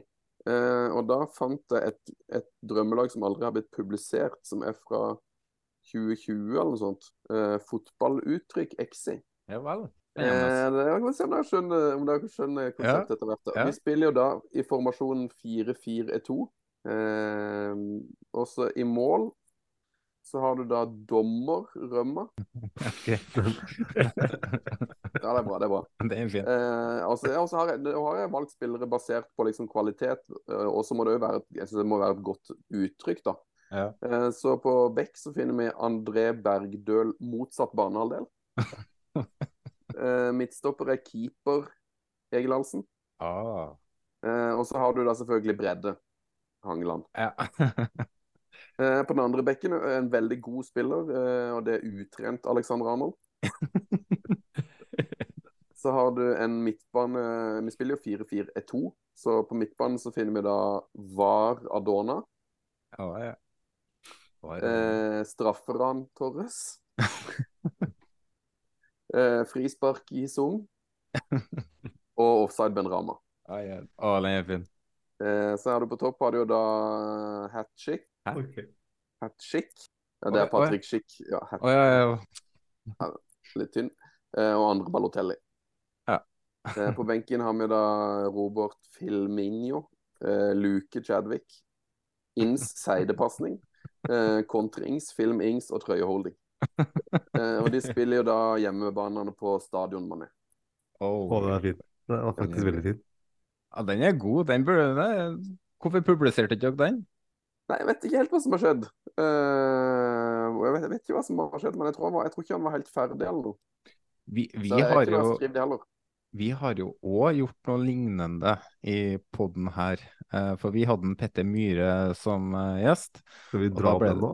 Ja da, jeg drar opp den òg. Og da hadde jeg én time med ganske sånn nerdete fotballprat. Så når han gikk ut, så fant han ut at vi er nødt til å sprite opp denne episoden her for å gjøre det litt gøyalt. Det var tidlig i vårt podkastliv. Det er ikke så lenge siden. Uh, og så vi, jeg og Frank, vi laga elver der vi gjorde om uh, navnene til eliteseriespillere til noe vi syntes var gøy. Det ble en, det ble en Runar Lesbejord i stedet for Espejord, så det vi nivået. var, vi var på nivået der. Men Ja, eh, ja. Det, det, var, det ble så ille at uh, når jeg spilte den av til samboeren min, og Snorre spilte den av til sin samboer, så fikk vi streng beskjed om at det der skal aldri ut. Og det er vi veldig glad for i dag. Så uh, den, ble ikke publisert. den ble aldri publisert, og den skal aldri ut. Men den skal ut om tre-fire år, tenker jeg. Da, Ja, kanskje det. Kanskje er det trygg nok grunn til at man okay, right, vi tåler et omdømmetap nå. Det gjør vi. Når- vi tåler det, ja. ja herregud. Men, den, den er lagra. Hæ? Den er lagra. Ja, nei, dette var jo bare reservelaget, da. Uh, så hvis dere har tid og lyst, så kan dere, kan dere hjelpe meg med å prøve å lage et Eliteserien legende exi. Har du noe, um, har du noe haka her, eller noe um, Altså, tanken min er at vi skal prøve å liksom plukke de elleve største legendene, men vi må uh, det, det blir veldig vanskelig å bare liksom plukke helt fritt. Så jeg tenker at vi må, vi må ta fra elleve forskjellige klubber. Og så tenker jeg det må være spillere som har lagt opp. Mm. Ja. Og for at vi skal gjøre det enkelt, og for at jeg skal få med Mandalskameratene, så begynner vi med MK-keeper Bjørn Arild Hofstøl i mål. Eh, men så kan, vi prøve, kan vi prøve oss å hjelpe hverandre da med å fylle opp de ti andre plassene. OK. Eh, og da er det litt sånn at eh, da tenker jeg liksom at liksom, vi må ha med en spiller fra Rosenborg, eh, Brann, Molde, Vålerenga. Vi må ha de, større, Mm. de største klubbene. Og så må vi knives litt om da, hvem som skal få lov til å få den siste plassen. Er det, er det en Sogndal-spiller som må med her? Eh, er det en startspiller? Skal vi til Kommer det med en Kongsvinger-spiller? Litt sånne ting. Men snakker vi da største legender så mye at de faktisk var best, eller som at de har satt det største etterlatte inntrykket? Nei, jeg tenker ikke best, nei. Jeg tenker største legende. Mm. Så det kan, jeg- være, kan være en stor kulthelt, på en måte. Yes, yes. Så jeg, kom, jeg kommer til å foreslå Tom Høgli på høyrebekk eh, for TIL, tror jeg. Den er ikke så dum, for eh, han eh, han fikk en ganske høy stjerne fra meg i den derre Qatar-saken, da. Så den Ja. er jo ikke så dum. Frem til han snudde. Snudde Ja. Tom Høgli han var først eh, mot eh, Qatar, og så ble han plutselig for det. Fjerner vi Tom Høgli der, ja? Nei, det går ikke an å fjerne Tom Høgli. Eh, Vi kan jo begynne, begynne litt på toppen. da. Vi kan jo starte med Arskan. Vålerenga, største kulthelt i Vålerenga-historien. Har du noen, eh, Sven, først? Først og fremst? Nei, men man tenker på, når man tenker på Vålerenga, da. Jeg, jeg, jeg, for meg er jo de store Vålerenga-spillerne litt sånn der eh, med, Da er vi på Jon Carew, Pascal Simpson, Kjell Roar Kaasa den tida der, da. Mm. Første jeg tenker på, er Morten Berre. Morten Berre er jo Arskan sier Fred Santos. Panserhagen. Berre. da. Fin, ja. Panserhagen er jo en sånn kultfigur. Panser er ikke dum heller. Men jeg tror eh, Berre for meg er- Morten Berre er kult av Vålerenga. Ja, da, den, den, er, den er ikke dum. Da sier vi det. Morten Berre han må spille høyre ving, han, eller? Ja, høyre eller venstre midtbane eller ving. Berre Mhm. på topp, ja. Eh, Høyre 4-3-3, da. ja. og så kan du ta Glimt, da, Frank. For meg, må, for meg må det bli Runar Berg, men uh, hva dere ja. tenker, det får være opp til dere. Fortid i Rosenborg, det er jo litt Jeg har Tom Høgli òg på Bodø-Glimt, men eh, det er kanskje litt voldsomt. Han er jo mer Tromsø-legende, blir ikke riktig å si, da? Så lenge vi ikke tar eh, Danny Cruise med straffebommen i Tromsdalen, så Vi, kan, eh, vi- vi har begge to på lista, så kan kan jo se, da. Ja. Nei, jeg sier Nei, vi må vel, vi må vel se Jeg, jeg, jeg backer Runar Berge. Der stoler jeg på, på Gli- Glimt. Uh, som vet hva som er liksom ah, hvem som har den største stjerna i byen. Det vet du bedre enn meg, men uh, det er mange å velge mellom. Det har vært en del eh, spillere her, det har det. Men eh, i hvert fall for meg som har eh, vokst opp med 90-tallet og Rosenborg-dominans og Berg-familien og alt, så er det jo han Runar som skiller seg ut uh, ettersom at han Ørjan gikk til Rosenborg på den måten han gjorde. Og Det gjør at han har en større stjerne for meg òg, for du kan jo gå litt innom Rosenborg da, Sven. Hvem har du der? Eh, største Rosenborg-legende ja, Den er vanskelig, da. Uh, det er jo l veldig lett å falle ned på Råstrand. Jo Roar Strand, uh, Ørjan Berg, uh, Skammelsrud, altså Brandøy, uh, Hoftun. Men jeg har også lyst til å name-droppe Zappara. Altså, han var jo en, uh, han var jo en bohem når han var i, i Rosenborg. Eh, Rett og slett en ordentlig kultfigur. Men eh, Han var elska. Høyt elska. ja, rett og slett.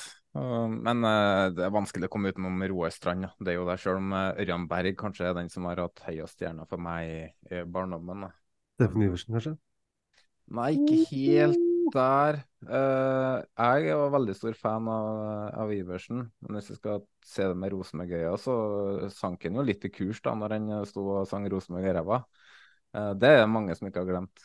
Så uh, jeg tror ikke du får mange som svarer Steffen Iversen hvis du spør, spør Det Rosenborg. forsøk å få Vålerenga-spiller til inn der. Jeg har, jeg har en spiss-shoutout fra en mindre klubb, da. Ja. Hvis vi ikke går for Iversen i Rosenborg, så har jeg Balla Garba fra Haugesund. Ja, Yes! ja, ja, ja. Ja, ja, ja. Den er helt uh, soleklar. Ja, ja. Bala Garba spiss. Kan jeg nevne Han hadde jeg faktisk på mitt eh, notat her òg. Mm. Lillestrøm, da. Der er det jo et par uh, ordentlige uh, kullfigurer. Hvem har du der, Sven? Det er Frode Kippe, ja. Frode Kippe? ja. Men det er jo mange der òg, da. Så Torgeir Bjørman, uh... Robert Robert Korén, Ove Røsler, Clayton Sane. Mm. Emil Baron. Men vi, har, vi har jo keeper på plass allerede, så Diallo. Ja, men, eh, Da tar vi kippet, da. Ja, for vi må tenke, på, jeg, jeg, jeg kunne tenkt meg å spilt inn, uh, spilt inn, sende, spilt inn eh, godeste Dagfinn Enerly fra Fredrikstad. Ja. Ja. Ikke sant? Så hvis vi, hvis vi klarer å finne en annen variant fra Lillestrøm, uh, så får vi plass til uh, Enerly i Midtforsvaret. Endelig var jo ikke mitt. Nei, så mitt, mitt, midtbanen. Sorry. sorry. Beklager. Enerly med Lode i Midtforsvaret.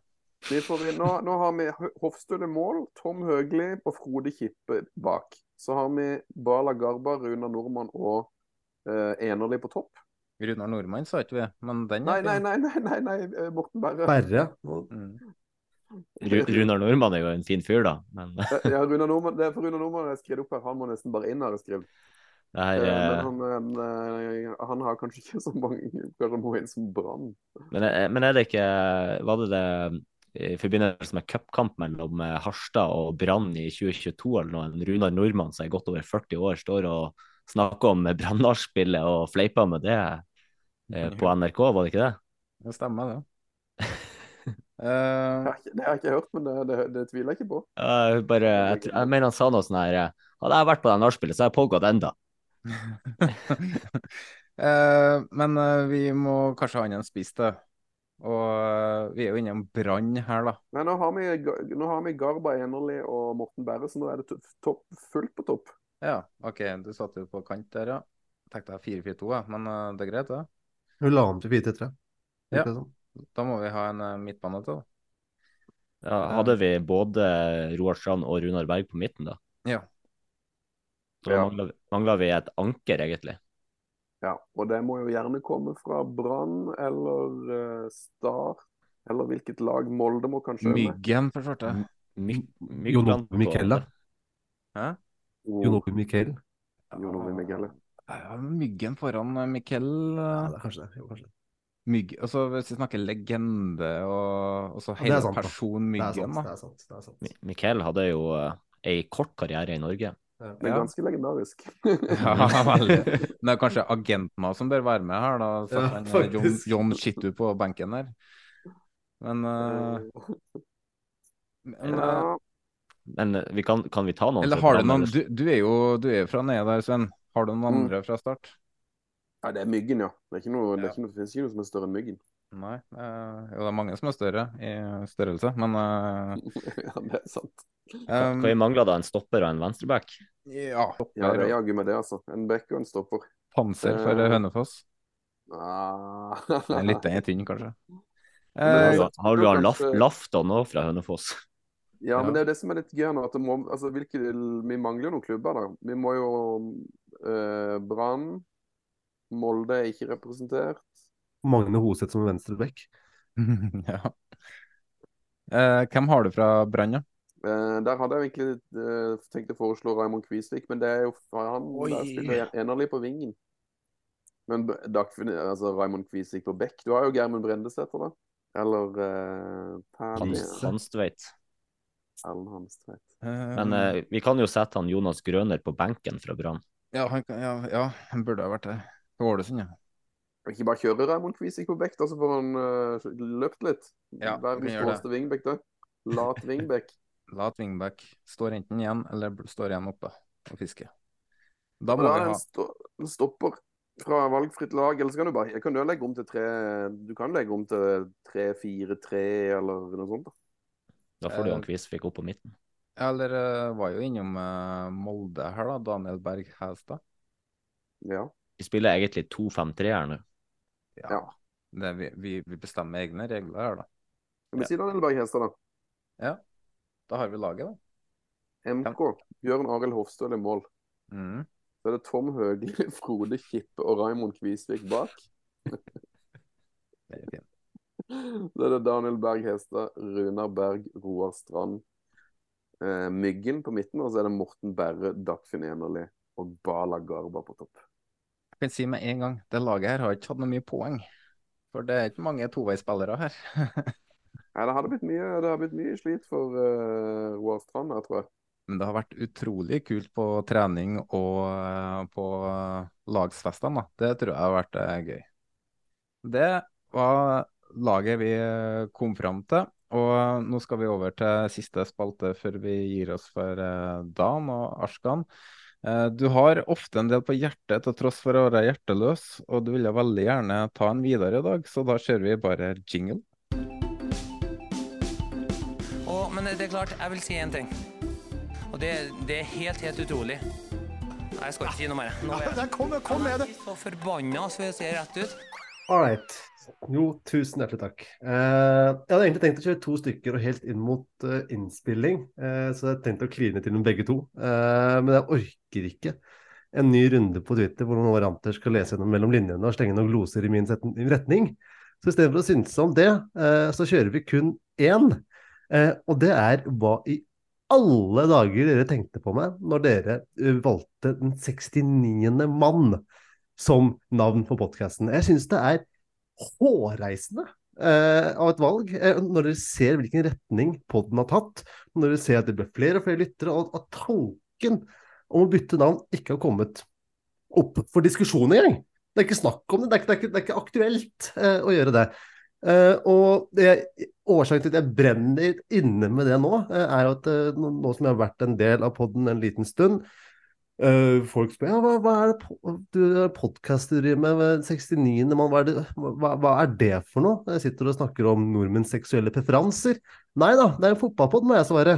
Som ja, den Ståle Solbakken innom her.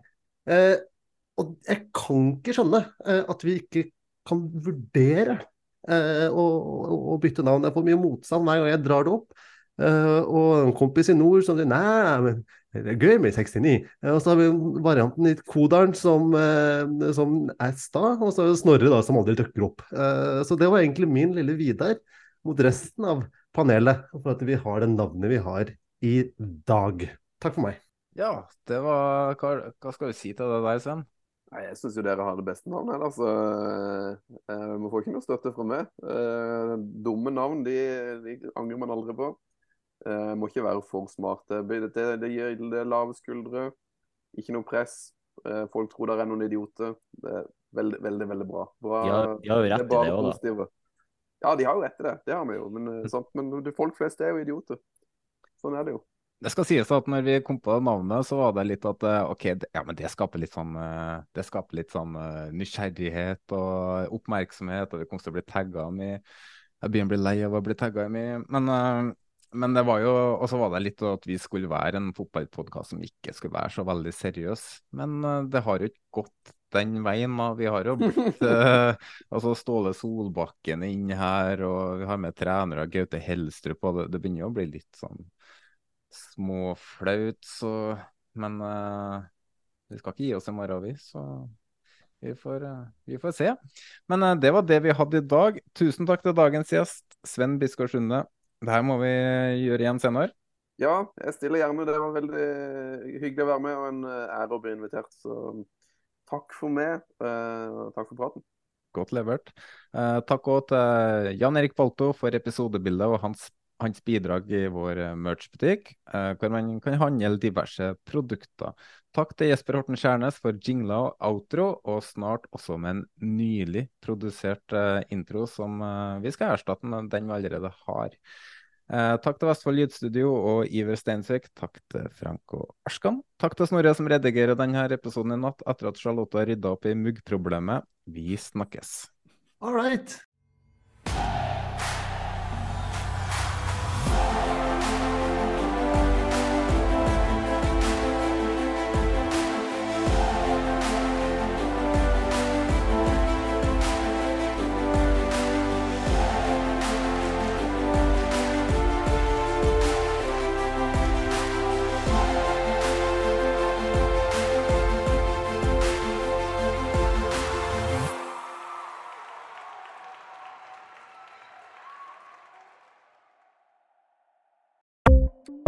Ukens annonsør er HelloFresh. HelloFresh er verdens ledende matkasseleverandør og kan være redningen i en travel hverdag. Mange av oss har nok vandret i butikken både sultne og uten en plan for middagen, som ender med at vi går for de samme kjedelige rettene gang på gang. Middag burde være dagens høydepunkt. Som HelloFresh kan du nå velge mellom 25 ulike retter hver eneste uke, eller få HelloFresh til å sette sammen menyen for deg. Dette gir deg muligheten til å prøve nye og spennende retter alene eller sammen med familien. Du velger antall porsjoner og får alt levert på døren på et tidspunkt som passer for deg. Oppskriftene er enkle, og maten er lett å lage både for store og for små. Ved å få alt levert hjem får du også mer tid til å dele matgleden med familie og venner. Kanskje det frister med asiatiske tacos eller greskinspirert kylling? Da kan jeg anbefale deg om å gå inn på hellofresh.no. Her kan du bruke koden FOTBALL og få opptil 1779 kroner i rabatt på de første fem matkastene hvis du ikke har prøvd HelloFresh tidligere. Du kan også bruke rabatten hvis du har vært kunde og stoppet abonnementet ditt for tolv måneder siden eller lengre. Gå inn på hellofresh.no og bruk koden FOTBALL. Ukens annonsør er Folio, en smartere banktjeneste for deg som har en egen bedrift eller ønsker å starte for deg selv. Folio er en superenkel nettbank for bedrifter. Som kunde i Folio får du en bedriftskonto med et bedriftskort og app. I denne appen er det smarte løsninger som forenkler regnskapet ditt, uansett om du har en liten bedrift eller et enkeltpersonsforetak. Folio er både intuitivt og brukervennlig, og er laget med et enkelt språk. I tillegg tilbyr de forutsigbare priser og ingen skjulte gebyrer. Skulle du likevel trenge det, så kan du snakke med deres raske og hyggelige kundeservice, og der får du prate med en faktisk person og ikke en chatbot. Folio er med andre ord både enklere og koseligere enn banken. Over 10 000 bedrifter har allerede valgt Folio som sin banktjeneste, så besøk folio.no og se hvordan Folio kan forenkle din hverdag også. Har du et enkeltpersonforetak eller en liten bedrift? Da er du sikkert lei av å høre meg snakke om hvor enkelt det er med kvitteringer og bilag i fiken, så vi gir oss her, vi. Fordi vi liker enkelt. Fiken superenkelt regnskap.